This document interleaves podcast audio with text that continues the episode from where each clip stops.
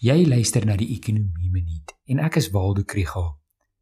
Ek praat gereeld oor wat die impak van die COVID-19 pandemie en inperking op die Suid-Afrikaanse ekonomie was in 2020 en hoe die herstel vorder hierdie jaar.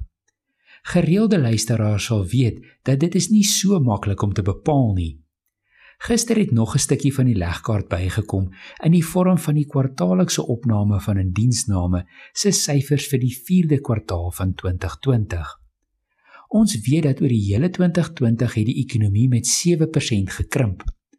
Volgens die arbeidsmagopname het ongeveer 1,397 miljoen mense hulle werke verloor tydens die pandemie.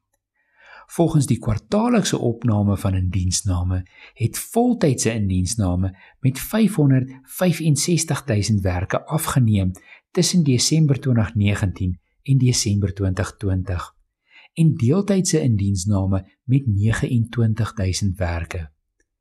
Die verskil lê in wat die opnames meet. Die kwartaallikse opname van indiensname sluit die landbou, informele sektor en huishoudings uit. Die fokus is meer op die formele ekonomie en ondernemings wat vir BTW geregistreer is.